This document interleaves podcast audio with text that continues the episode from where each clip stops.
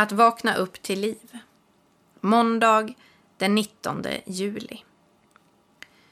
Dagens andakt är skriven av Karin Dernulf som är generalsekreterare för barn och ungdomsorganisationen Ekumenia. Rubriken är Gud går på bröllop. Först ett citat av Martin Buber. Allt verkligt liv är möte.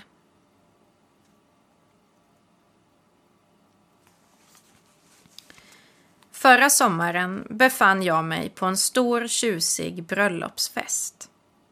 Jag kände inte så många på festen, förutom brudparet. Jag la tidigt märke till en kvinna i eleganta kläder som såg lite reserverad ut.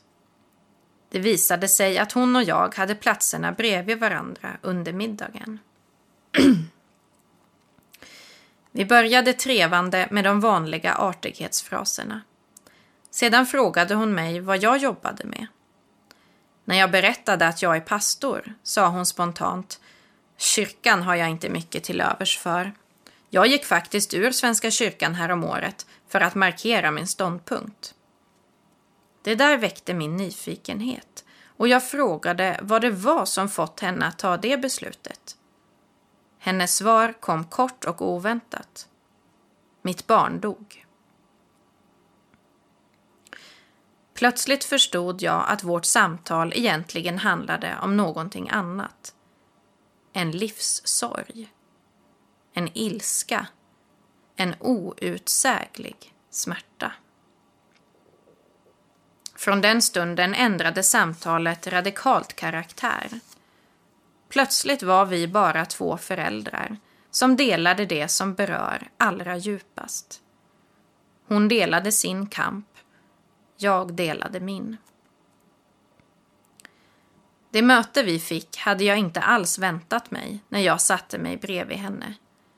I slutet av vårt samtal såg hon rakt in i mina ögon och sa Det är helt otroligt hur lite tid vi spenderar tillsammans och hur starka band som redan uppstått mellan oss. Fråga mig inte hur det kom sig. Men på något märkligt sätt kändes det helt naturligt för mig att i den stunden citera orden från första Johannesbrevet där det står Ingen har någonsin sett Gud. Men om vi älskar varandra är Gud alltid i oss och hans kärlek har nått sin fullhet i oss. Jag såg att varje stavelse jag sa landade inom henne. Det är som ett livsmotto, sa hon. Vi tittade på varandra och utan att säga något så visste vi det båda två. Detta var mer än ett vanligt samtal. Gud fanns där i vårt möte. Kan det vara så att när vi älskar varandra får vi vara med och dra ner himlen till den här jorden? Allt verkligt liv är möte, sa filosofen Martin Buber. Min tro är att när människor verkligen möts på djupet, då finns också Gud där. Första Johannesbrevet kretsar mycket kring inkarnationen, att Gud blivit människa i Jesus Kristus. Hur Gud valde att bli kött och blod och göra sig sårbar för att komma oss nära. Jag tror att det finns ett mönster att ta fasta på i detta, också för våra liv. När vi gör oss sårbara kan vi komma nära på riktigt. Det är också så vi förstår att vi inte är ensamma. När sår läggs till sår får vi en helande gemenskap sa predikanten Frank Mangs. När jag ser tillbaka på mitt liv kan jag se att det nästan alltid varit genom andra människor som Gud kommit mig till mötes. Min erfarenhet är, att, är också att det finns tunna platser i tillvaron där det är lättare att se Guds närvaro. En sådan plats är sjukhusen Där har jag själv många gånger anat hans närvaro. Andra platser är härbergena för hemlösa om vintern, sorgehusen och våra kyrkor när vi vågar vara människor. Vad har dessa platser gemensamt? Sårbarheten. Och i sårbarheten finns Gud. Egentligen finns de tunna platserna överallt, om vi bara vågar. Till och med på en glassig bröllopsfest. Vi ber. Herre, tack för din kärleksfulla närvaro. Hjälp mig se hur du kommer mig till mötes i det som är min dag. Ge mig mod att våga vara sårbar. Låt mig få vara en påminnelse till någon den här dagen om din trofasthet och kärlek. Amen.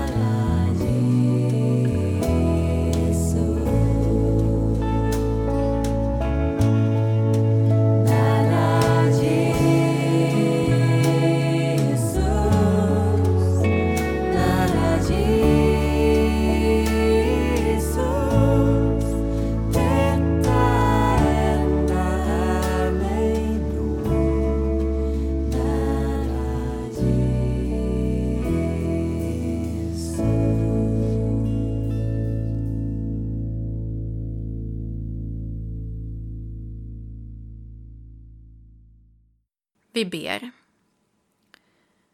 Vår Fader, du som är i himmelen. Låt ditt namn bli helgat. Låt ditt rike komma. Låt din vilja ske, på jorden så som i himmelen.